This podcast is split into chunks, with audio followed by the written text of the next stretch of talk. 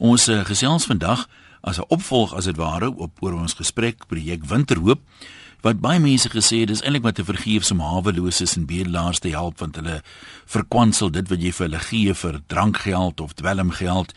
Ehm um, begin mense later nou wonder, jy weet, dit gebeur natuurlik, maar is daar darm stories van slim mense nou stel, inspirerende stories ook van hawelose mense wat daarin geslaag het om weer op hulle voete te kom met die hulp dikwels van iemand en wat 'n nuwe begin kon maak en wat se nou in hulle geval die verskil maak? Hoekom kry hulle dit reg en ander mense nie? Seker maar dieselfde rede hoekom party mense sukses behaal in die lewe en ander nie.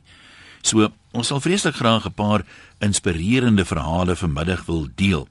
Nou ek het een uh op 'n dame se Facebook bladsy gekry, Ans Smith, wat uh, geskryf het namens 'n boemelaar wat sy goed ken en dit was vir my nogal baie treffend.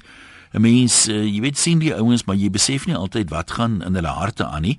En sy ken hom nou goed genoeg dat sy namens hom op haar Facebook bladsy hierdie geskryf en ek gaan dit gou vir jou lees. Ek is 'n boemelaar, 'n suipslaper sonder 'n plank oor my kop. Hoewel ek net 55 is, weet ek dat die natuur, die buite, my verander het in 'n 70-jarige. My plomp lyf is 'n getuie van my pap en brood dieet want 'n houbou meneer en mevrou kan nie vleis en groente koop met almoses nie. Hierdie is 'n storie oor ons, vir julle, die mense wat ons in die lewe hou, wat julle rustig by julle huise kan gaan lees. Nee, ek lees dit nou oor die radio. Ons daar langs die spruit waar ons R30 moet betaal per nag, maak seker ons almal eet en ons deel ons kosgeld. En ons boemelaars, ons weet van honger wees. Ons kom by mekaar daar waar ons wegkruip en deel ons skarrelgeldjies want bedel is nie deel van ons woordeskat nie. Ons skarrel. Môre is dit dalk jouself wat moet bedel by een van die bedelaars. Jy kan nie met ekstra geld gaan slaap nie. As jy spruitbende dit weet, vat hulle dit en slaan as 'n les jou lip oop of skop jou ribbe jou ribbe af. Omdat hulle die menslike hyenas sterker is as ons verskrikte en wangevoededes, ons wanaangepastes. Ons rolklere is ons enigste besittings. Ons moet alles aantrek slaaptyd. Maak nie saak hoe sing die muskiete in die warm klamheid langs die Apies rivier nie. Ook ons enigste paar skoene word met toue vasgebind, anders word dit van ons voete afgesteel. So slaap ons in die aand wanneer ons nog krag het om die paar kilometer te loop met ons voorsgestaande en swambesmette voete. Of anders staan ons rond wanneer ons nie meer kan loop nie en probeer onsigbaar wees. Insmelt tussen die bome en die palle en die asblikke. Dan soek ons 'n skuilhoekie waar ons slaaploos kan wag vir môre. Môre begin ons weer met niks en met 'n leë maag, want dit maak nie saak of die son brand nie of die wolke bliksem en raas nie en of die reën oor jou neerval nie. Jy moet eet of dood. Die wind sny, meneer en mevrou, al sit die voelgoed soos klei aan jou lyf, dan sny daai wind nog steeds deur jou gegeewe hulphemp wat jou naaktheid toemaak, die klere wat jou onderskei van 'n die dier. Ons staan bedleend, skuis bedelend en met neergeslaane oë en 'n bakhand en vra: "Help my asseblief. Ek is nog nie gereed om dood te gaan nie. Ek wil nog steeds lewe. Ek weet nie hoekom nie, want dit is hand op die straat." Maar ek hoop nog steeds dit gaan eendag beter gaan met my. Jy vloek my meneer, jy vertel my ek moet loop werk. Hoe meneer kom ek by 'n dag waar ek my eerlikse oorlewingsstryd kan los en iewers kan was, kan klere kry en kan sê hier is ek, ek sal enigiets doen. Gee my 'n kans, dan is dit net vir 'n dagloon. Meneer jou vloek, jou neerhalende skelwoorde, elkeen van daai vuil kykke penetreer my, vreet aan my menslikheid.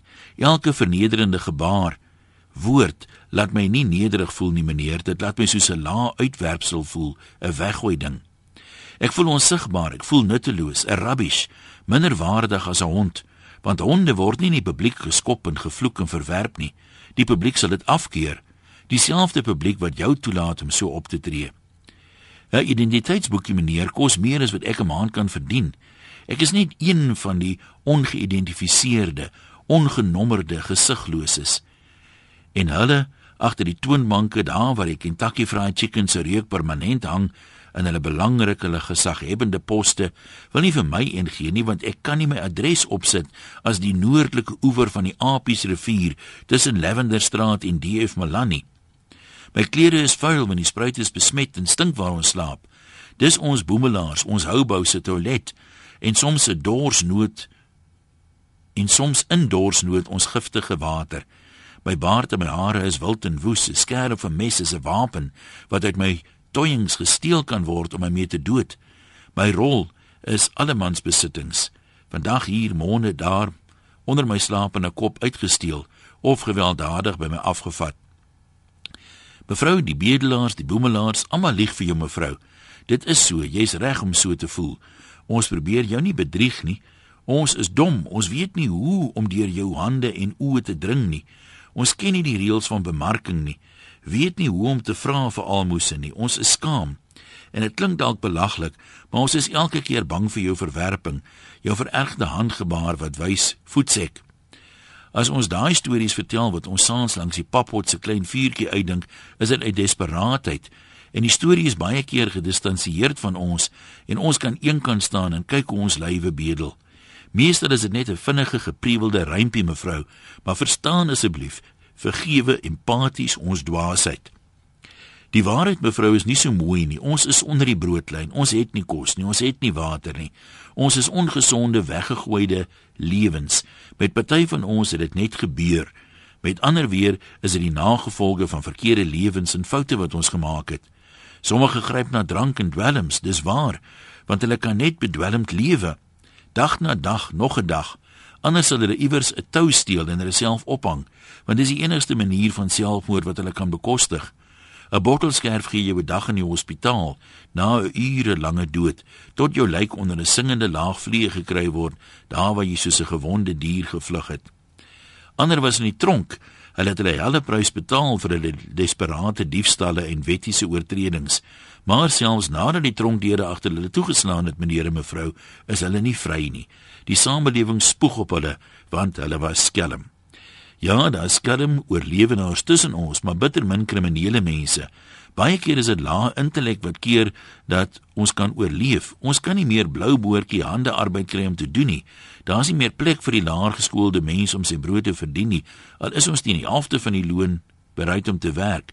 Die groot werkgewers se deure is gesluit met politieke slotte en baie van ons is nie vaardig of kundig genoeg om 'n klein bedragie bedryfie te begin nie. Ons weet nie hoe nie. Die media vertel gereeld en dit het 'n mite van waarheid geword, 'n urban legend, dat die straatbedelaar nie werk neem wat aangebied word nie. Vir ons met nugtere denke en sober gewoontes is dit skadelik verwek en dit het nog wantroue onder die publiek gesaai. Die uitsondering is nie die reël nie. Bedel is harde werk. Daar's geen beloning in bedel nie. Aan die einde van die dag is jy gestroop van enige menswaardigheid en kan 'n hele dag in die son of die koue vir jou 'n brood, 'n klein pakkie pap besorg. Dis die storie van die skarrelaar meneer en mevrou. Die storie van die arm blanke hier onder jou broodlyn en onder jou neus. Mag die Here jou seën.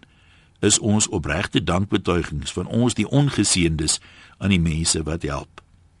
En ons glo dit naïef, want jy wat het, sal meer kry en ons wat nie het nie, gaan steeds bly leef met jou hulp. Ja, daar's 'n baie roerende verhaal dink ek. Dankie Ans daarvoor.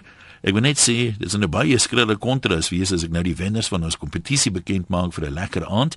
So ek gaan dit net na loslip doen so kwart voor 3 al 10 van julle bly ingeskakel daarvoor.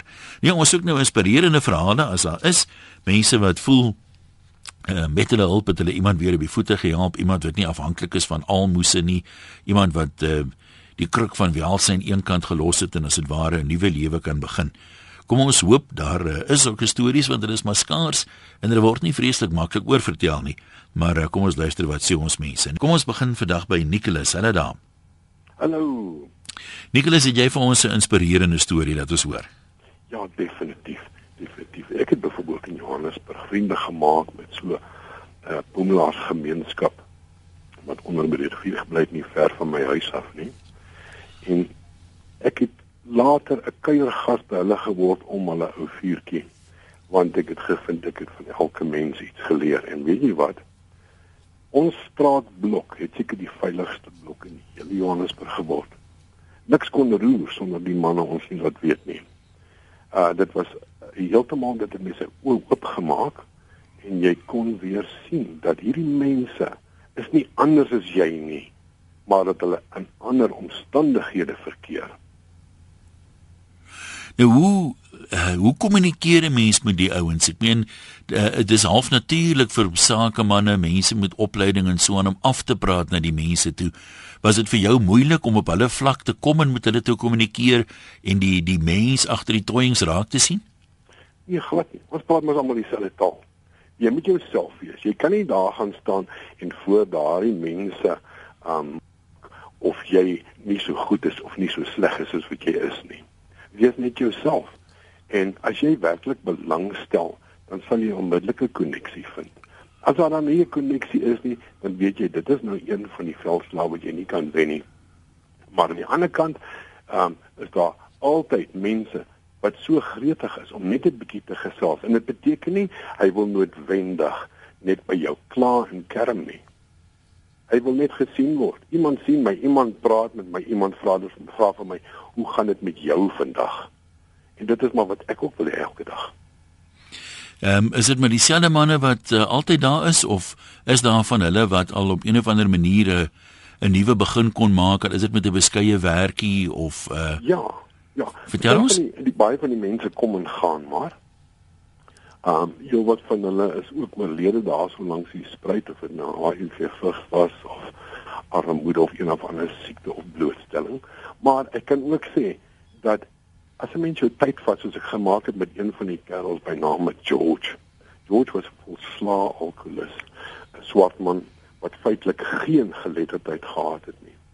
Ek het George gevat en hom verdra en baie baie stadig met hom begin te werk sonder om ooit vir hom te preek. Ek het net vir hom 'n plek gegee waar hy heen kon hardloop wanneer die ander dronkers hom geslaan het en so aan en dan het ek hom weer teruggestuur. George het later vir my werkies begin te doen. Vandag het George sy eie winkeltjie en sy eie huis en sy eie gesin en die man het die drank totaal afgesweer. So um, klink vir my die deel van die en ek weet dit is nie altyd maklik nie, maar is die mens moet op 'n manier hoop gee vir die mense. Menswaardigheid. Ja, ja, jy's reg een. 'n Mens moet hoop gee. Maar maar saam met daardie hoop gaan 'n ongenaakbare dissipline. Jy moet hierdie hierdie ding verrig met met met totale selfvertroue, vreesloos. En dan moet jy dissipline toepas. Nie 'n lelike tipe van 'n dissipline nie, maar die man moet weet. Jy weet die reëls, jy volg die reëls. Anderste is daar probleme. Die mense het lank geleef sonder enige dissipline dissipline mm. in die bos gelê en drink elke dag. Nou, dit is nie vir so 'n man moeilik maklik om altyd net oor te skakel na 'n nuwe wonderlike vrugbare lewe nie. Daar's ou gewoontes wat eers aangespreek moet word. En dan natuurlik die ander ding is wie wees vir die mense 'n voorbeeld. Um leer hulle om self ook te gee. As jy vandag twee brode gebedel het, moenie al twee hou nie. Vat die een en gaan gee hom vir iemand anders ek het gevind dit dit het ongelooflike uitwerking gehad op hierdie mense sodra hulle geleer het dat jy moet weggee want jy gaan weer môre genoeg kry. Um so ek het heelwat in my lewe met hierdie tipe van mense saamgewerk en heelwat sukses behaal en daar was ander gevalle waar dit nie gewerk het nie. Maar dit dit, dit bied vir my geen teleurstelling nie want 'n mens verwag niks nie. Ja, dis eintlik baie waar, né? Ehm um, die uh, sommige mense uh, gee maar hulle hulle het ek weet nie wat onrealistiese verwagtinge noodwendig is nie. Dis ook 'n hele debat wat maak 'n ou nou met die geld want as ek vir jou R5 gee, dan as ja. jy die nuwe eienaar van die R5 en ek meen rokers byvoorbeeld sal weet, daar was al tye in jou lewe wat die ding wat jy die heel graagste wou gehad het, was 'n sigaret. Nou dan neem mense aanstoot en sê maar nou gaan koop jy sigarette daarvan, jy weet, eh, ja. kom koop jy ja. nie kos nie. So dis dis nie so maklik nie. Ek glo nie mense moet 'n saak hê met hoe daardie persoon dit gaan spandeer nie. Maar wanneer jy vir iemand gee, moenie in sy oë kyk sodat jy sy dankbaarheid kan sien nie. Ja, dis waar, né? Moenie in sy oë kyk nie. Um dit is nie waaroor 'n mens gee nie. Jy wil eintlik gee soos 'n blinde man. Jy sien nie vir wie jy gee nie. Jy weet as ek by die vrugteboom kom en ek is honger, dan vra hy nie vir my, "Hoor hierso, wie is jy? Wat is jy? Wat is jou stamboom nie?" Ek ja, klik en ek eet. Ja. Nicholas baie dankie dat jy geskakel het. Groetnis. Plesier, baie dankie. Ons gaan weer gesels. Beste Jan. Ja, kom ons ehm um, ek wil gou hier 'n uh, iets aanhaal. Iemand het vir my gestuur 'n artikel wat gister verskyn het in 'n Engelse koerant in Pretoria. Ek is nou nie seker of dit die Pretoria News is nie, maar daar is 'n artikel Getting the Right View on the Homeless. Baie 'n segewende artikel en uh, gaan nie die hele artikel lees nie, ons wil meer mense kans gee, maar dit kom basies daarop neer dat hulle dit gesels met 'n 22-jarige persoon wat uit Zimbabwe gevlug het Suid-Afrika toe op soek na 'n beter lewe wat sê niemand besluit jy gaan nou 'n hawelose raak nie. Dis nie die doel ehm um, jy weet hoekom jy dit doen nie. En dan gee die artikel nou so 'n bietjie agtergrond uh van 'n kerk wat nogal baie moeite doen om die mense te help en uh, so 'n paar wenke uh wat sê Ah, oh, is daai stukkie nou. Dat die straatmense eintlik baie min misdaad pleeg. Hulle is te besig om sê van die uh, uh, een van die mense om te probeer aan die lewe bly en 'n paar rand hier en daar te kry uh om nou regtig, jy weet, met met ernstige misdade hulle op te hou. Meeste van die mense is op 'n manier daar vasgevang. Hulle wil eintlik van die strate af, maar hulle weet nie regtig hoe nie en hulle pas moeilik aan want dit is die lewe wat baie van hulle al vir jare ken. En dan sê iemand hier op een van die SMS'e wat ek vroeër gesien het, uh, vat net maar iemand wat op die platteland groot geword het. Ons kan nou vir jou sê hier in die stad is vir jou lekker werkie, maar baie van daai mense kan nie eers onder soortgelyke omstandighede dak oor jou kop in die stad aanpas as hulle in die platteland groot geword het nie so vir ou wat nie op die strate gebly het vir baie lank is dit ook uh, nie 'n maklike aanpassing om te maak in die rotine te weer van van uh, vaste werk nie. Ehm um, belangrik sê hulle mens moet onthou dat die mense is ehm um, al lyk hulle nie vir jou so nie normale mense net soos ons. Most of them have more life experience than so-called normal people they have great potential en as baie van die mense wat eintlik geleerde mense in 'n sin is wat uh skoolopleiding voltooi, daar's mense met grade en diplomas daar. So dit is nie noodwendig net mense wat weet nie in staat is tot enige iets uh meer nie. Hulle gee ook erkenning daaraan dat van die ouens wel op die die brede weg beland. Maar en dan praat hulle van 'n ou wat uh in die tronk was, hy het 'n motor gesteel. Nou uit die tronk uit en hy werk nou by hierdie skuilings uh, dan is hy besig met werkies en so aan daar en dan sê die op die punt van hoop I don't consider myself homeless. I'm just hustling until I can afford my own place. En ek dink dis een van die belangrike goed. As 'n mens nie hoop het as jy hoop op is dan's jy op. Desiree van Centurion. Kom ons hoor wat sê jy. Hallo. Hallo Jan Ja. Dit is lekker om met jou te praat. Dankie, uh, selfs met ons. Jong, so vir jare terug het ek by 'n shelter aangesluit in Pretoria uh by pop-up en uh die ouetjies is toegekamp en, en ons het die plek waar hulle ingewoon het gerevamp en hulle moes vir hulle bed werk vir die aand en hulle vir hulle kos werk vir 'n uur en ons recycling gedoen. En elke Vrydag aand het ek maar 'n klomp meisies en uh, mense in jeug gevat van die kerk af en dan gaan werk ons maar daar in die uh shelter. En ehm uh, deur my eie egskeiding gegaan en gebroke het ek my ou twee kindertjies gevat en uh, by die shelter gaan werk. En uh, dit was vir ons meer 'n betekenis as vir daai ouens wat uh jy weet dan en out was en op die strate was. Want ons het besef hoeveel uh ek in my eie lewe het, jy weet. Ja. En so dankbaar is vir wat ek het. En ehm um, soos ons nou een aand dan ons hare en was hare want hulle het nie daai fasiliteite nie. Uh en hoe dankbaar hulle was uh dat ons hare gewas het en hoe mooi hulle lyk. Ek meen ek is nie eers 'n haarkapper nie, maar ek het haartjies gesny op die beste wat ek kon, maar dit het hulle beter laat voel. En die ander aand het dan speletjies gespeel, mekaar met toiletpapier toegedraai en gelag en bietjie musiek gemaak. En uh, dit was so lekker om net Vrydag aande te gaan en saam met daai mense te spandeer. As om met jou opgetooide vriende, jy weet nou om die braai sit en 'n lekker rooi wyntjie te drink. Jy weet daai tipe ding. Ja. Ehm uh, was dit was vir ons vir my kinders 'n uh, eye opener geweest, jy weet. Ehm um, om te sien dit is so lekker om met daai mense uh te werk en ons hoef nie bang te wees vir hulle nie en so aan, jy weet. Weet jy of van die mense dit reg gekry het om 'n nuwe begin te maak waar hulle ehm um, jy weet wie meer 'n menswaardige lewe kon lei. Hulle is dit miskien 'n ja, beskeie ja. lewe. Jy weet ons het daar ouens daar ontmoet, Jan, wat uh dokters was, ingenieurs was, groot besigheid en hulle het 'n verkeerde besluite gemaak of hulle het net gekrak onder uh soos die dokter het gekrak toe hy sy eerste pasiënt verloor het, jy weet. Ehm um, waar hulle uh die uh, mense wat hulle nou bestuur het uh opgehef het en beter laat voel het en en dan werk jy vir 'n uh, ehm um, punte nou en dan kry jy nou sê maar klere en jy kry nou 'n jobbie en en dan so werk hulle jou weer in in die uh, situasie in en daar het 'n uh, man gekom en hy het uh dienste gelewer so standaard jy weet en die dokter het nou weer uh, probeer help want hy weet mos nou van die medies jy weet en so het hulle ja. die ouens opgehef en daar was 'n skilder daar.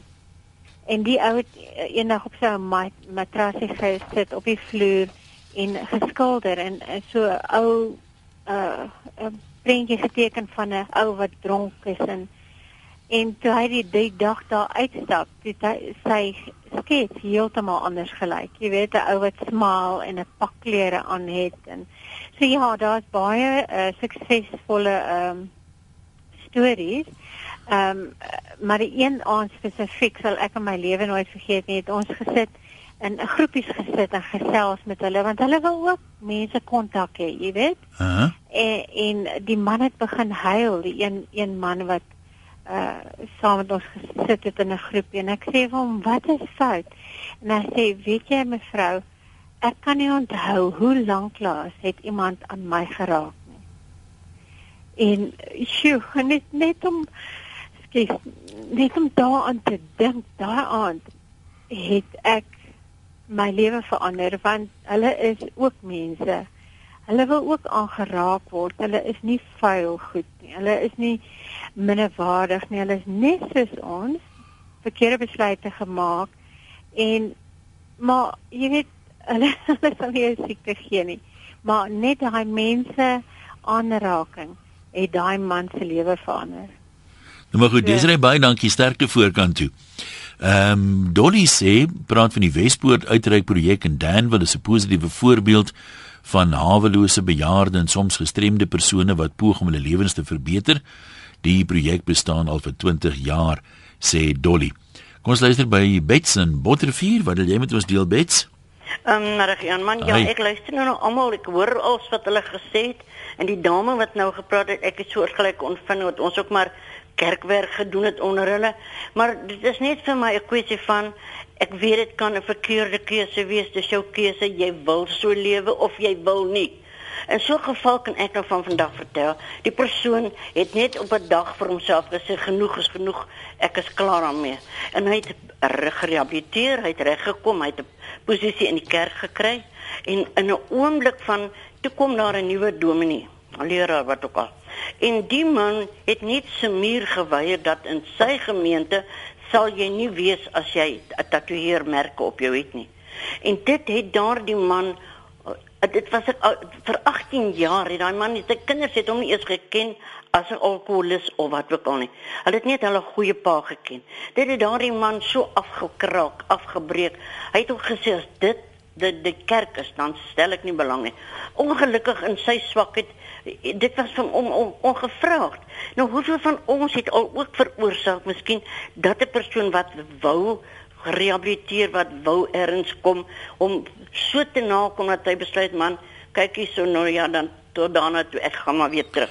Ek moet sê ek verstaan nie eintlik die punt nie. Dit is almal so nie. Daar is van hulle wat opgehewel word ja. maar dis wat ek op neerkom is vir hoe lank? Hef jy hom op? Is dit staan? Is dit vir net 'n oomblik of of 'n maand of 'n jaar of wat? En dis hoekom ek kan nie verstaan dat hulle nie nie dat nie staande bly nie dit is net genade om staande te bly hmm. maar ek weet van 'n ander geval die persoon het uh, was bemelaar en hy het so gesteel en het se handsak gesteel. En nie lank toe hy ook nog maar tot bekering gekom het, toe gaan hy terug na die vrou toe te sê vir 'n mevrou, want sy toe nou op agtervoete as wil hom aanval. Toe sê mevrou nee, ek kom vra jou net om verskoning vir wat ek dit was ek wat jou handsak gesteel het. Ek het my tronkstraf uitgedien en dit en dit en dit. Ek verstaan hoeveel van hulle kom tot op 'n punt om te sê genoeg is genoeg, ek wil 'n beter mens word. Ek dink ons almal gee doen goed, jy help waar jy kan, maar dit is sover as dit bly. Ek meen wil hulle hulle lewe lank maar bedel of is daar nie vir hulle Ja, jy weet die dis 'n ding wat met vir ons almal geld. Elkeen van ons se lewe gaan oor keuses. Ja. Jy het elke dag, jy kan nie kies wat met jou gebeur nie, maar jy kan kies hoe jy daarop reageer. Precies. En baie min mense ongelukkig glo dit. Die ja. meeste dryf nou maar rond as die stroom hulle vat. Yes. En so ek sê hoe lank ek kry, hoe lank gaan ek ag ek is tevrede vanaand ek slaap môreoggend kry ja. weer. Hmm, en dis Goed. wat ek my argument maar ek bly maar gee. Ek word opstandig en ek voel ek kan nee, genoeg is maar jy gee maar weer. Maar nou vir hoe lank ja. wil hulle gegee word? Verstaan? Die ou wat opgegee word, wat is sy planne? Gaan hy aan? Gaan hy oorbegin? Wat? Dis net maar al waaroor ek praat. Nou maar goed, ons sê sê vir jou dankie daarvoor. Uh dalk moet die mens juis mense help om beter keuses te maak. Dit mag dalk ook 'n goeie begin wees kry geweldig baie skriftelike uh, bydraes wil paar van hulle gou lees. Anton het laat weet ek en my vrou het vir 7 jaar in Amerika op straat gewerk met boemelaars, prostituie en arm families. Ek glo daar is dit makliker as hier met daar meer fasiliteite beskikbaar is. Nietemin is dit 'n geweldige voorreg om vir die mense hoop te gee. Aangesien 'n bietjie hoop net weer die behoefte gee vir die mense om weer te wil lewe. Ek was een aan baie moeg, ons het hard gewerk en het met die bediening uh, laat 11uur by 'n Walmart gestop om iets vir my vrou te koop. Terwyl ek by die betaalpunt staan, klop iemand aan my skouer en sê, "Reverend, do you remember me?" Ons het met so baie mense gewerk, ek kon hom nie onthou nie, maar wat hy vir my gesê het, het my lewe verander. Hy het my herinner dat ek met hom gepraat het 2 jaar gelede by ons diens in die park en vir hom gesê het dat die Here lief is vir hom en dat hy nog steeds 'n plan het met sy lewe. Dit is vir hom genoeg en 2 jaar later is hy getroud met 'n werk nogal aktief in sy gemeente om mense op die straat te bereik en ons weet nooit wat die resultaat sal wees nie. Daarom moet ons aanhou om onvoorwaardelik te gee sonder om iets terug te verwag. Groete en seën met die program en uh, expression of God's love for us is die Facebook adres. Christian, jy's in die Kaap, kom ons hoor wat uh, het jy by hart? Hallo. Uh, goeiemiddag. Ja. Uh my uh, bydrae is maar net dat uh, my skoonsister het in 1981 van in die 80 jammer uit die aarde klaar gestuur uh, Karl Bremer toe sy kanker gehad. En die aand bel ek nog, toe sê hulle nee, die hospitaal het klaar gereël, die ambulance sal haar bel wel optel. Die volgende oggend 5 uur bel ek weer. Nie as as sal uh, voor ek week toe gaan ek kan ek eerder maar uh, paar, paar ure vertrag en gaan halfvaar en vat ek Karel Bremer toe maar nou daar gelaat.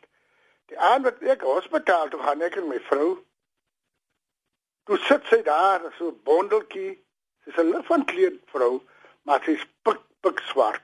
Want dit is somertyd gewees. En uh ek het dan net geken as sy so glimlag gehad, sien ek haar poortjie. En ek gaan na haar toe. Maar nou wat ek wil sê, Toe vertel sy vir my die volgende dag die verhaal wat sy te swak om te praat. Toe dat ek die verpleegster van dadelik in 'n bed kry en vir haar sorg sê ek dis die vrou wat mos vanoggend nog globaal gewees het op die stasie in Belwa. Toe vertel sy vir my die die staaltjie. Die oggend wat sy kom al 7 Belwa stasie, daai het toe kom die trein al 7 Belwa.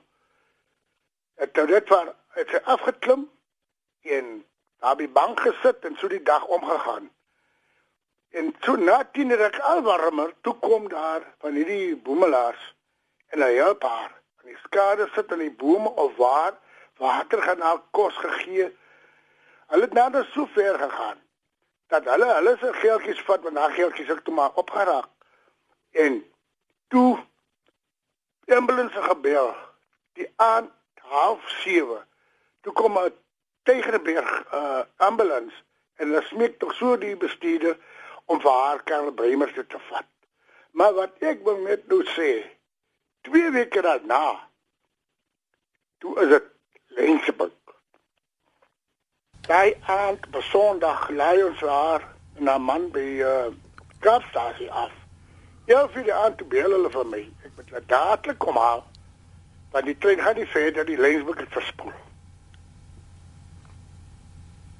Toe gee dit van my weer moed om in daai trein mense te gaan help wat nie huisvesting en goed gehad het. Ja. Dis waarom gaan dit. Ons moet uitreik. Nie sê wat ons gedoen het nie. Hulle het uitgereik het hulle gemin wat hulle gehad het. Christine, ek sê vir jou ook dankie dat jy geskakel het. Kobus uh, sê om dan en uit mense te help om hulle lewensverhale en suksesverhale te verander is my werk en ek het baie stories om te vertel. Ek het 8 jaar gelede begin met navorsing oor die brein, hoe die ding werk en hoekom ons reageer tot dinge soos ons reageer. Die ou brein is so kompleks soos wat hy is, is eintlik baie eenvoudig en dit is nie vreeslik moeilik om iemand te help om sy of haar potensiaal te bereik nie. Vir die laaste 7 jaar is ons en jy kan die webwerf gaan kyk lifeexchange.co.za besig om mense van die publiek as mentors op te lei om ander te help om hulle potensiaal uit te leef. Die stories, wow, ek weet nie eens waar om te begin nie. Ons het gesien hoe bendeleiers nou gemeenskapsleiers geword het. 'n Ongeletterde persoon van die strate in terrenskap by 'n organisasie soos Media 24 gekry het. Dwelmverkoper, een van Suid-Afrika se topassistent kommersiële duikinstrukteurs geword het en hoe 'n persoon wat toe ons hom ontmoet het, hopeloos op straat gesit het en gedroom het om 'n loods te word, sy eerste vlug neem. Daar's so baie onontginde potensiaal en ek sien daagliks hoe mense net begin blom. Wat niemand om iemand te help en sy lewensverhaal en 'n suksesverhaal te verander. Iemand wat so 'n bietjie verstaan hoe die kop werk en ek kan help hiermee en homself te verbind aan iemand anders as 'n mentor op die pad te stap. Dis wat dit ehm um, uh, wat dit help of wat dit verg. So jy kan daai webwerf gaan kyk, die kontakbesonderhede sal daar wees. Uh waar is die webwerf nou? lifeexchange.co.za as jy dit gaan uh, Google. Anoniem skryf: Why bother God by praying for the poor? Open your pocket and give. Ek het bedien by 'n plaas waar hulle mense inneem wat op straat bedel en soos ek die mense leer ken het, vind ek toe uit uh baie van hulle was in uh, goeie beroepe, daar was 'n staatsanklaer, bestuurende direkteure, mense wat suksesvolle besighede gehad het en anoniem sê ek het geskrik en is nogal miskien 'n 'n goeie manier om dit te stel. Ek het geskrik om te sien hoe vinnig 'n mens kan verander van 'n fortunery na onder 'n fortuner slaap. Nogal diep woorde daai. Lita, kom ons loer by jou in. Hallo. Hi Ian. Hou maar kort asseblief voor. Ek weet nou weer inbel. Nee, is goed. Maar ek het 'n fisiese storie wat ek jou wou vinnig vertel. Is dit 'n inspirerende storie? Is baie. Goed. Jy weet uh Ian Uh, ek ek het altyd in die verlede die banke nie goed gaan doen. Ons het 'n besigheid gehad ook daai stadium. En dan kom ek by die bank uit gewoonlik het gewoonlik daar by Eerste Nasionale Bank gesit. En dan kom die boemelaar na my toe en en hy sê dat hy vir my geldjie. Dan sê ek vir hom, uh, weet jy wat, moenie my tyd mors nie gaan. So het aangegaan en ek het hom altyd jy weet verdryf en op een slag toe ek uit die motor uit klim. Toe sê ek vir my, doen my 'n guns. Ek wil nie jou gesig sien nie. En dit het so aangegaan. Een 3 maande na my man oorlede is. Die aand ek lê in my bed, ek lees my Bybel, ek lees Spreuke. Ehm um, hy wat drink drink met te doen Hy drink sy sorges, sy kommer en sy sorges weg, sy seer. En daai woorde, ek noem dit nou my woorde. Een in daai woorde het my kop vasgesteek. Ek dink by myself, weet jy, hy hy is ook 'n mens. En ek dink aan daai liedjie wat daai beroemde sang sangeres sing. Die swerwer. En dit het toevallig die volgende dag moet elke dag ingaan Carltonville toe. Ek stop gou by Willys en daar sit die man. Dit was hierdie tyd van die jaar bitter koud. En ek sit in my motor en ek sit hom so en kyk. En ek dink by myself, hoe voel hy? die seer wat binne hom is. Jy kyk na hom. Hy het 'n familie. Dan jaag jy hom op weg. Ek maak my hand oop. Ek haal 'n noot uit. Ek stap na hom toe. Ek roep hom.